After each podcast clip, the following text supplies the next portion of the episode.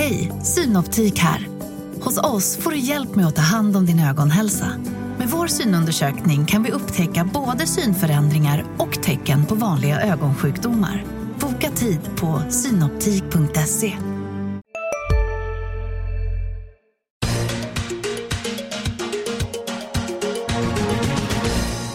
Hej och välkommen till Makrorådet, dagens industrispodd om de stora ekonomiska frågorna. Idag är det den 7 oktober och dagens gäster är Annika Winst, chefsekonom på Nordea och Johan Javeus, analyschef på SEB. Välkomna hit ska ni vara. Tack. Tack. Jag heter Viktor Munkhammar för den delen och jobbar på Dagens Industri.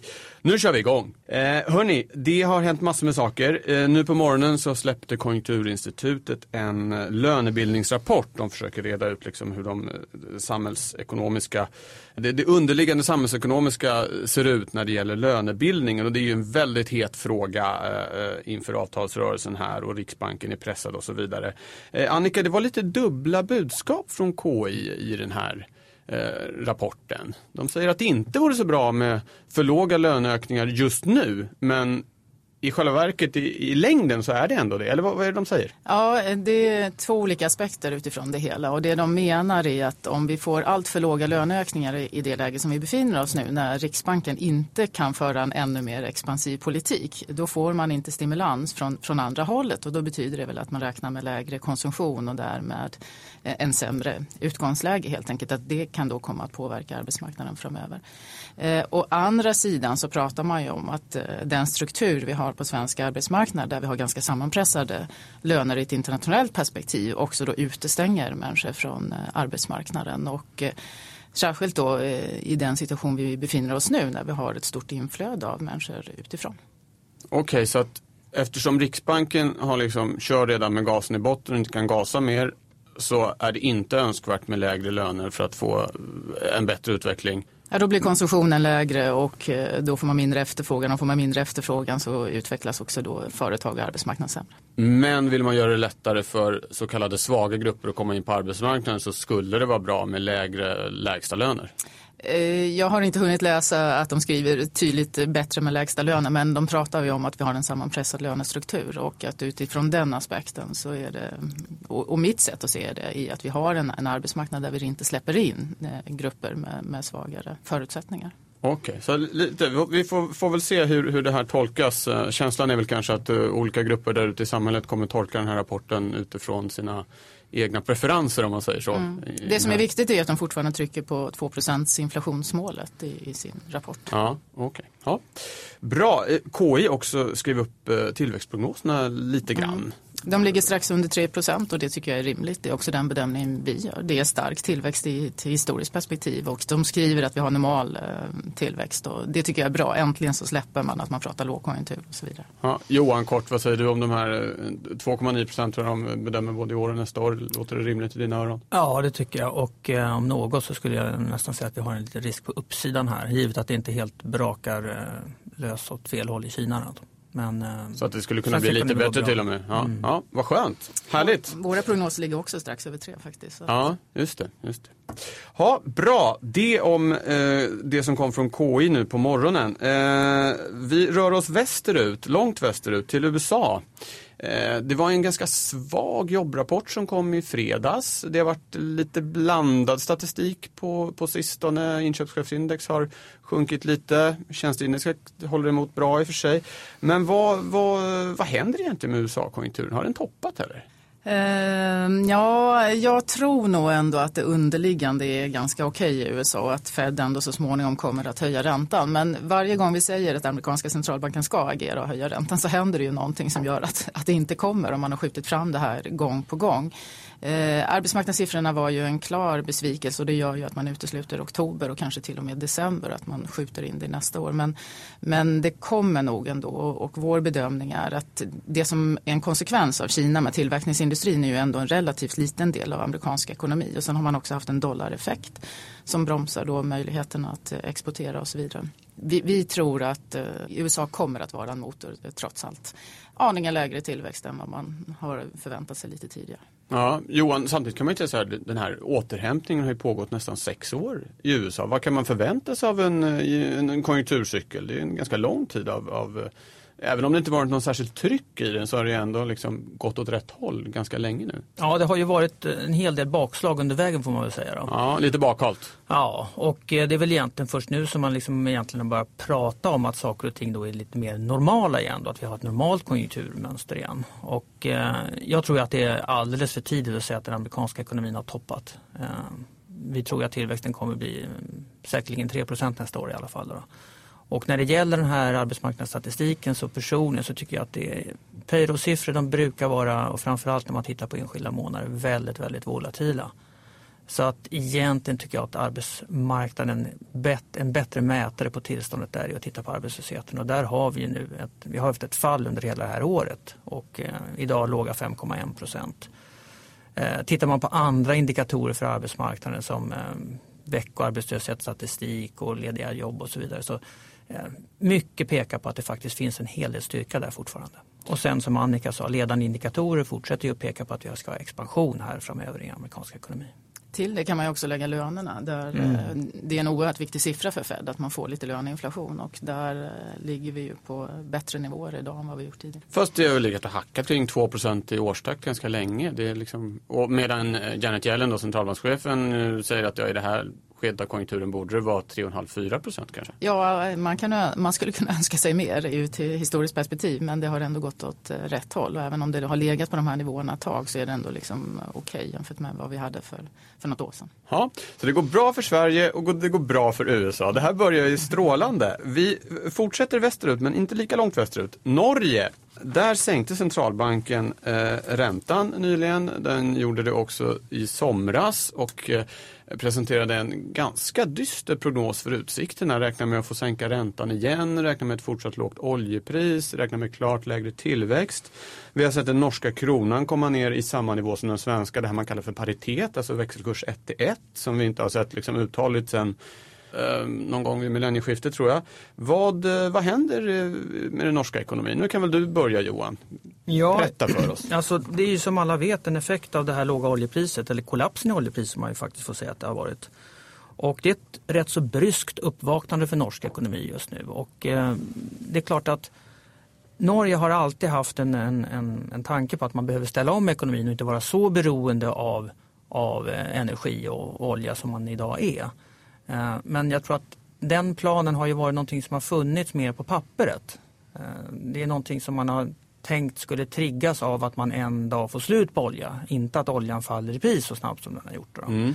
Sen är det ju så eh, lyckligtvis för Norge då att de här problemen de, de drabbar ju som man brukar säga ingen fattig. De Utan, gråter i en Ferrari som Dagens Industri skrev i våras. Ja. De har ju sin oljefond eh, som då uppgår till drygt 7000 miljarder norska kronor idag. Och från den så kan man då ta upp till 4% av den här fondens storlek och, och, i princip bara sätta in i sin budget som en, som en förstärkning. Och eh, det har man ju justerat upp eh, den här, det här uttaget från oljefonden lite grann då från vad man trodde i våras beroende på att de här problemen i ekonomin. säga det, det kom ju en norsk budget ja, idag, 2,8 procent enligt de läckor som har varit ja, innan. Ja. 193 miljarder norska kronor ja. och bara kasta in sådär. Ja. Och då har man ju fortfarande möjlighet att kasta in ännu mer pengar här framöver om det skulle, om det skulle behövas. Och sen är det klart att vi, visst, vi kommer få se lite lägre räntor i Norge för att stimulera. Vi har en svag krona som ger lite stöd åt den andra delen av exportindustrin som fortfarande finns.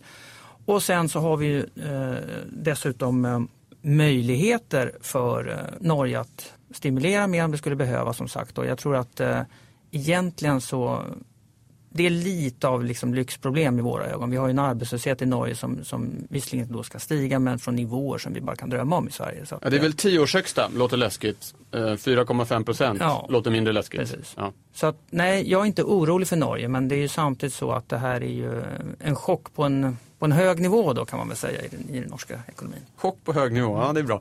Eh, Annika, samtidigt Norge, om man, även om det är från en hög nivå så talar vi ändå om vad det verkar vara ett, ett hyfsat rejält fall och Norge är ju väldigt viktigt för Sverige. Det är ju tillsammans med Tyskland vår viktigaste exportnation. Eh, gränshandeln är viktig. Många svenskar, inte minst unga, åker till Norge och hittar jobb hur lätt som helst.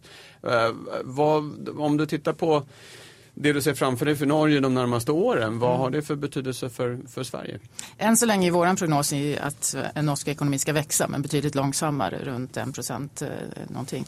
Eh, så att den, den, växer. Men det är otroligt stora regionala skillnader. Det som händer nu är ju att eh, västra Norge, Rogaland och Stavanger, och det, det är där man har jättebekymmer och de människorna flyttar österut mot Oslo-trakten och i, i den regionen går ju ekonomin fortfarande bra. Och det stora frågetecknet är ju hur mycket kommer det här att smitta?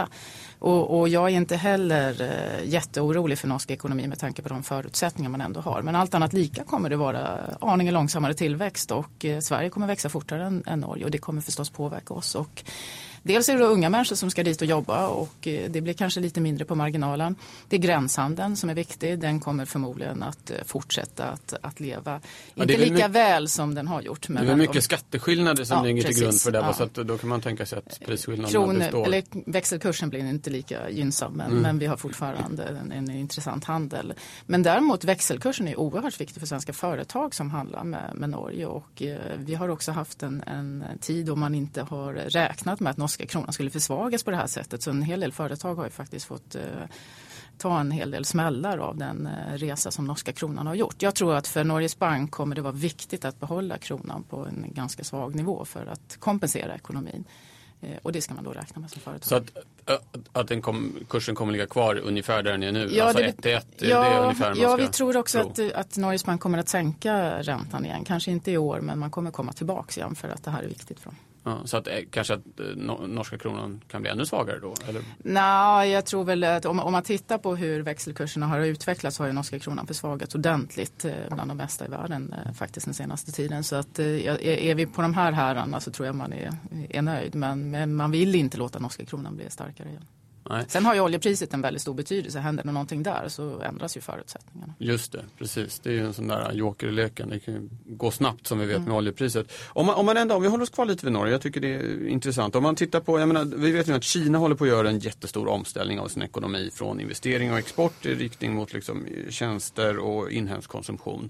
Norge har ju eh, levt i någon slags oljebubbla i 20-25 år. Eh, behöver Norge nu göra en liknande omställning, alltså försöka få eh, fart på andra industrigrenar och som, som man liksom ska leva av, om vi nu tittar lite längre än bara ett, två år framåt, fem, tio år framåt. Och, och, och, i så fall, hur är förutsättningarna för en sån omställning? Johan? Mm. Jag tror att de behöver det. Det är som vi sa tidigare, det har ju varit en plan då under lång tid att inte vara helt och hållet beroende på energisektorn. Sen är det ju naturligtvis så att jag tror att i Kina så har man lättare att göra den här förändringen. Därför att där går så att säga förändringen hand i hand med det som ändå händer i ekonomin. När befolkningen blir rikare så kommer man efterfråga mer tjänster och, och, och då är det naturligt att man går från att leva bara på export och, och investera mycket till att också ha mer konsumtion. Så vad regeringen där gör egentligen är att se till att vidta åtgärder och förändringar som gör att den här processen kan underlättas och kanske snabbas på lite. Eh, Norge under de här åren med höga oljepriser har ju haft väldigt svårt för de har jobbat i motvind. Det är, det är, inte lätt att säga att nu ska vi satsa på de här industrierna när du har en sektor som boomar och där efterfrågan är fantastisk. Den suger åt sig de bästa, den bästa arbetskraften och, och sätter lönerna därefter och det blir väldigt svårt för övrig industri att egentligen konkurrera. Eh, så att jag tror att de har haft mycket svårare att göra den här vändningen under de här åren då vi har haft väldigt höga oljepriser. Nu kommer man behöva göra det om det är så att oljepriserna fortsätter att ligga på de här nivåerna eller kanske till och med faller ytterligare. Eh, men det blir en lite jobbigare resa när man så att säga eh, måste göra det eh, väldigt snabbt. Har du också valt att bli egen? Då är det viktigt att skaffa en bra företagsförsäkring. Hos oss är alla småföretag stora och inga frågor för små. Swedeas företagsförsäkring är anpassad för mindre företag och täcker även sånt som din hemförsäkring inte täcker. Gå in på swedea.se företag och jämför själv. Där det finns ett samhälle, där finns det brott. Krimrummet är podden som tar brottsligheten på allvar. Jag bjuder in landets ledande experter och tar upp aktuella rättegångsfall för att begripliggöra den kriminalitet som kryper allt närmare. Du, alltså, du kan knäcka ett eller några gäng, men det kommer komma nya och så kan vi knäcka dem sen. Men att du ska knäcka allt forever, det kommer aldrig ske. Det är infinite gain. Lyssna på Krimrummet, en podd från Expressen med mig Kim Malmgren. Och kanske utan de förberedelser och eh, den lugnhet i tempot som man kan ha i andra ekonomier. Men då finns det som sagt en krockkudde på 7000 miljarder Ja, att ta av under tiden. En Skönt. väldigt stor krockkudde. Bra, tack för det. Då eh, ska vi tillbaka till Sverige. Eh, den här decemberöverenskommelsen, eller julpakten som den också kallas, är under press. KD har eh, riksting på fredag och det finns en del distrikt där som vill att den ska rivas upp.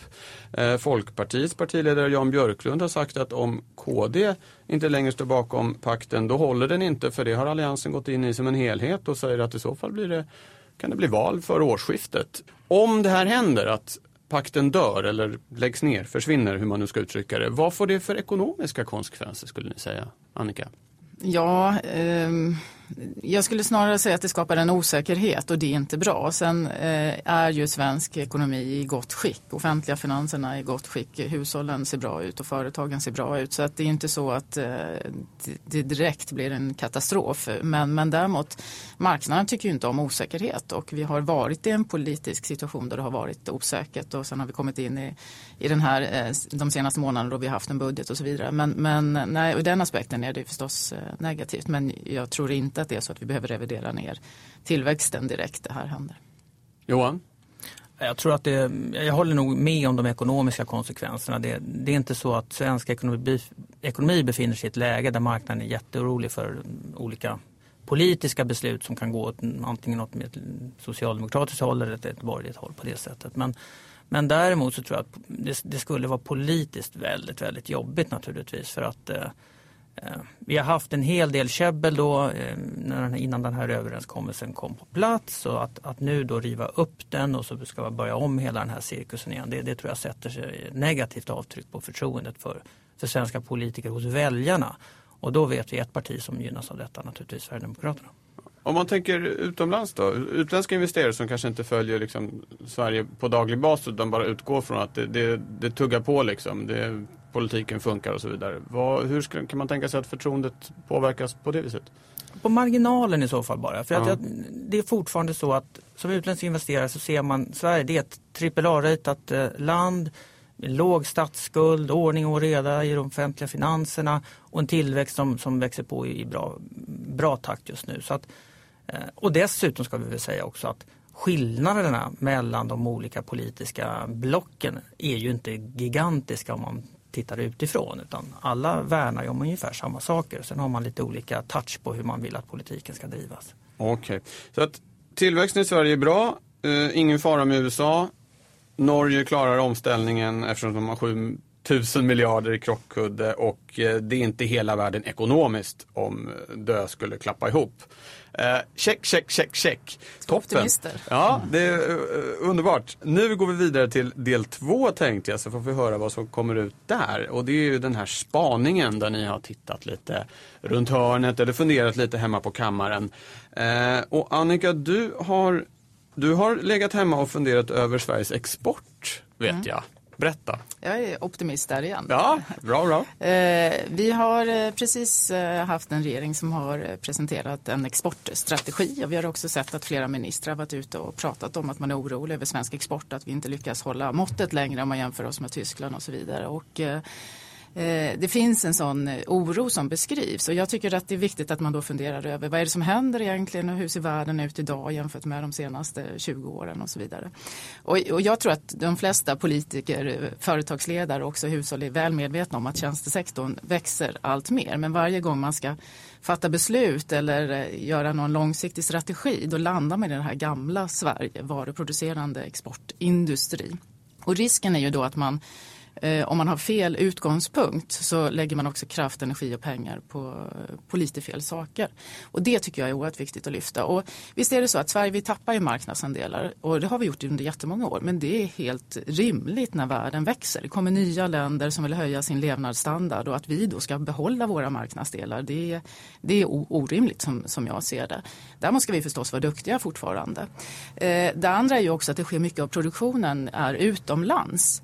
Men det betyder ju inte att svenska företag inte är delaktiga utan man lägger ut det som är rationellt att lägga ut och det vi ska se till då att vi har en struktur hemma så att vi får behålla forskning, utveckling, huvudkontor och eh, produktionen som är, på, är högre upp i, i näringskedjan i Sverige. Att man producerar en del varor utomlands det, det är inte märkligt och inte konstigt och, och Sverige finns fortfarande med i den eh, processen. Sen sker det ju en jättestor strukturomvandling då från varuindustrin till, till tjänsteindustrin. Och då är det oerhört viktigt att säga att det här är ju kommunicerande kärl. En hel del av de tjänster, export, produktion, sysselsättning som vi har i Sverige beror ju av varuindustrin. Och att den här förändringen sker det betyder inte alls att inte den gamla industrin är viktig längre och att den ska försvinna. Men den kommer ha andra behov eh, framöver. Om man tar ett företag som Ericsson till exempel som för ett antal år sedan var ett varuföretag med arbetare så är det väldigt mycket mer ett tjänsteföretag med tjänstemän idag. Och då har de ju andra behov vad gäller infrastruktur, kompetens och så vidare. Det är det politikerna ska fokusera på. Hur stöttar man dem så att de vill vara kvar i Sverige och så vidare. Utifrån den aspekten. Och här har Sverige kommit väldigt långt. Och vi jämför oss ofta med Tyskland och eh, det är också så att varuindustrin fortfarande är större än tjänsteindustrin. Men, men om man tittar på tjänste Eh, exporten i, i, relation till BNP eller till, till exporten så är det så att vi utklassar ju Tyskland. Vi har kommit mycket längre i den här strukturomvandlingen och det är något vi ska bejaka och vara glada över att vi har tagit det här steget som jag tror att väldigt många andra länder kommer behöva om man vill hålla sig högt upp i näringslivskedjan. Det skulle jag önska att man lyfter fram väldigt mycket mer och funderar över. Hur hjälper man företagen i det här skedet? Men, menar du att eh, regeringen är lite nostalgisk och kanske tittar tillbaka hur det var förr med någon fabrik på, i någon bruksort snarare än att se Ja, Något då, annat som är mer aktuellt? Eller? Jag skulle inte bara säga regeringen utan jag skulle säga att stora delar av svenska folket ja. och också av näringslivet. Man landar som jag sa inledningsvis då i det här gamla traditionella när man ska fatta sina beslut. Men, men världen ser inte ut så, det behöver inte vara dåligt eh, för Sverige. Och vi har också ett antal nya tjänsteföretag om vi lämnar dem tjänsteföretagen som beror av gamla varuindustrin så finns det också nya tjänsteföretag som är global born från början, det vill säga att de börjar internationellt. Det är inte skog, papper, eh, råvaror. De kan flytta imorgon. De anställer redan oerhört många eh, utländska eh, personer vilket gör att de är väldigt lättflyktiga. Och då är det också viktigt att ha en struktur så att, som passar bra för dem. Och här tycker jag då det är viktigt att man tänker det är liksom kompetens, det är infrastruktur, Eh, hur ser lönestrukturen ut i Sverige och så vidare. Och det som är absolut viktigast att fundera över det, det tror jag ändå är utbildningen. Alltså hur får vi riktigt vassa universitet i Sverige? För universiteten skapar förutsättningar för internationella eh, forskare eh, att komma hit och, och lyfta nivån tillsammans med de vi har själva. Och det får också möjlighet att behålla huvudkontoren här. Att man vill vara kvar i Sverige. Och har vi universitet och huvudkontor då kommer det sippra ner i resten av strukturen. Vilket gör att vi kan ligga högre upp i näringslivskedjan. Vilket svenska folket önskar. Okej, okay, så att universitet och huvudkontor är det man ska sikta mot? Ja, att, att, att bejaka den här strukturen, ja. det är inget ja. dåligt. Och det, det, dödar inte den gamla industrin utan det är bra att vi ligger i framkant här och lyft att Sverige faktiskt just ligger i framkant och är bättre än till exempel Tyskland i den här aspekten. Ja, Johan, några korta tankar? Om ja, jag, jag, håller, jag håller verkligen med och så tycker jag också om, om man tänker rent pekuniärt utifrån ett svenskt perspektiv så faktum är att eh, vi har ett stort handelsöverskott idag. Eh, och det kommer ju både från varuexport och från tjänsteexport. Men, men faktum är att varuexporten den har också ofta ett väldigt högt importinnehåll så att överskottet som genereras blir inte massivt. Men däremot tjänsteexporten den har ofta ett väldigt lågt importinnehåll. Liksom det är ju en tjänst vi producerar här och, här och nu. Och den ger då liksom en mycket större andel av, av, av så att säga, exporten blir också ett överskott. Mm. Så att det är en viktig del också för att vi ska kunna fortsätta ha bytesbalansöverskott i det här landet. Ja, Okej, okay. tack för det. Johan, du har, eh, du har varit utomlands. Du har varit i Grekland och spanat. Ja, jag Nyss fått... hemkommen från Aten, är det rätt mm, uppfattat? Det är ja. faktiskt rätt uppfattat. Och, eh, det är ju ett eh, land som har fortfarande väldigt stora problem, måste man vara tydlig med. Men det finns ändå en hel del saker som har förändrats. Och jag menar, alla känner till den här uppgörelsen som kom på plats nu i somras och det är naturligtvis en förutsättning för att man ska kunna se en förbättring. Eh, men, men sen har vi också haft ett val och det tror jag är någonting som många där nere sätter rätt så stor tilltro till nu att eh, det är faktiskt en, en stor skillnad till det bättre jämfört med vad jag haft tidigare. Och nu har vi ju så att säga eh, Vänsterpartiet Syriza, de har ju vunnit valet eh, men på kuppen så har de ju också lyckats rensa ut alla sina motståndare inom Interna partiet. motståndare, interna part- motståndare som var emot den här överenskommelsen och de misslyckades helt i valet och fick inga platser i parlamentet. Så nu har vi då det största oppositionspartiet, så har vi den nuvarande regeringen som har en liten majoritet som båda då så att säga står bakom att man ska genomföra de här sakerna man har sagt. Och det, det tycker jag det skapar en politisk stabilitet som förhoppningsvis kommer kunna vara i flera år framöver och det har vi inte varit bortskämda med i Grekland. Eh, så det är en, en väldigt positiv sak. Eh, sen är det också så att alla länder som går igenom en sån här kris och Grekland har ju gått igenom en kris som har varit värre än, än nästan något annat land under, under de sista åren. De, man når till slut en, en punkt då, då krafterna i ekonomin de, de så att säga blir väldigt starka för att det ska börja vända uppåt igen. Grekland har tappat en fjärdedel av sin BNP sedan, sedan krisen började.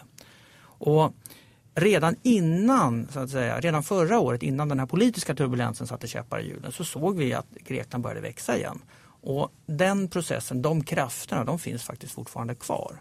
Och nu gäller det bara att de har de politiska förutsättningarna att det här ska kunna fortsätta verka. Då. Så att, eh, många utmaningar kvarstår men jag tycker ändå när man kommer tillbaka från den här resan och har träffat olika ehm, både politiker och, och eh, centralbanksföreträdare och, och, och banker och andra så, så finns det en, en, ehm, vissa skäl att faktiskt vara lite optimistisk. Ett, ett problem tidigare eh, med Grekland är ju att de här reformerna som man har åtagit sig att de inte har genomförts, eh, i alla fall inte fullt ut. Och den här nuvarande regeringen, Syriza, har ju faktiskt sagt att de, de tror inte på det här lånepaketet. De tror inte på de här eh, politiska reformerna. Hur ser du på förutsättningarna att den då ska driva igenom någonting som den i grund och botten är ganska skeptisk till ger några bra resultat? Mm. Ja, det är ju helt enkelt av, eh, i valet av två onda ting så väljer man det minst onda. Och den här, den här uppgörelsen med EU den är, den är så att konstruerad på ett sätt att om man inte lyckas göra de här reformerna och så att säga förbättra skatteindrivningen och så att säga förstärka budgeten på det sättet då måste man istället göra på något annat sätt och det handlar då om att ytterligare sänka pensioner och sänka löner. Och det är någonting som är ännu mer förkastligt för, för den här regeringen. Så att man kommer då ändå eh, välja att, så att säga, den här reformvägen. För det är det, är det minst dåliga av, av två dåliga alternativ. Då. Ja. Så, så det, det är väl en förutsättning. Sen är det naturligtvis bankerna som är fortfarande, ja de är ju utbombade i, i princip då efter all den här turbulensen med, med stängda, stängda bankkontor som vi hade under sommaren.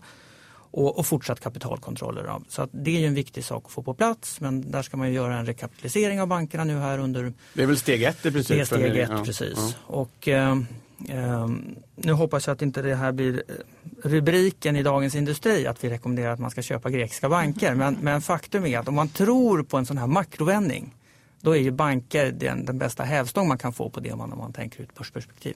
Ja, jag Sen det tror också det en- är stor sannolikhet att rubriken Ja. blir ändå är en- SEB, köp grekiska banker. Ja, det- Säg det bara, säg det. Nej, det är inte min, min tanke att man ska göra. Men, men eh, man kan ju ändå hålla ögonen öppna som man säger. Ja, Okej, okay. spännande. Ett litet, Mm. eh, litet placeringstips eh, fick vi där också. Helt kort Annika, har du någon, någon, någon, något att invända eller förstärka eller på något annat sätt kommentera Johans eh, spaning här?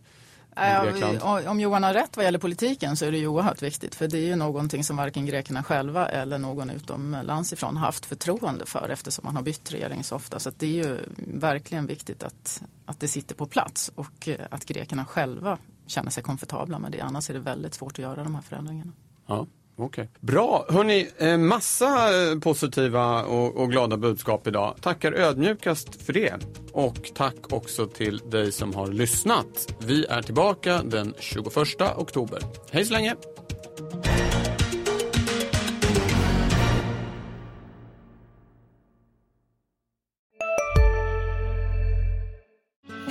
Susanne Axel här. När du gör som jag och listar dig på en av Krys vårdcentraler får du en fast läkarkontakt som kan din sjukdomshistoria.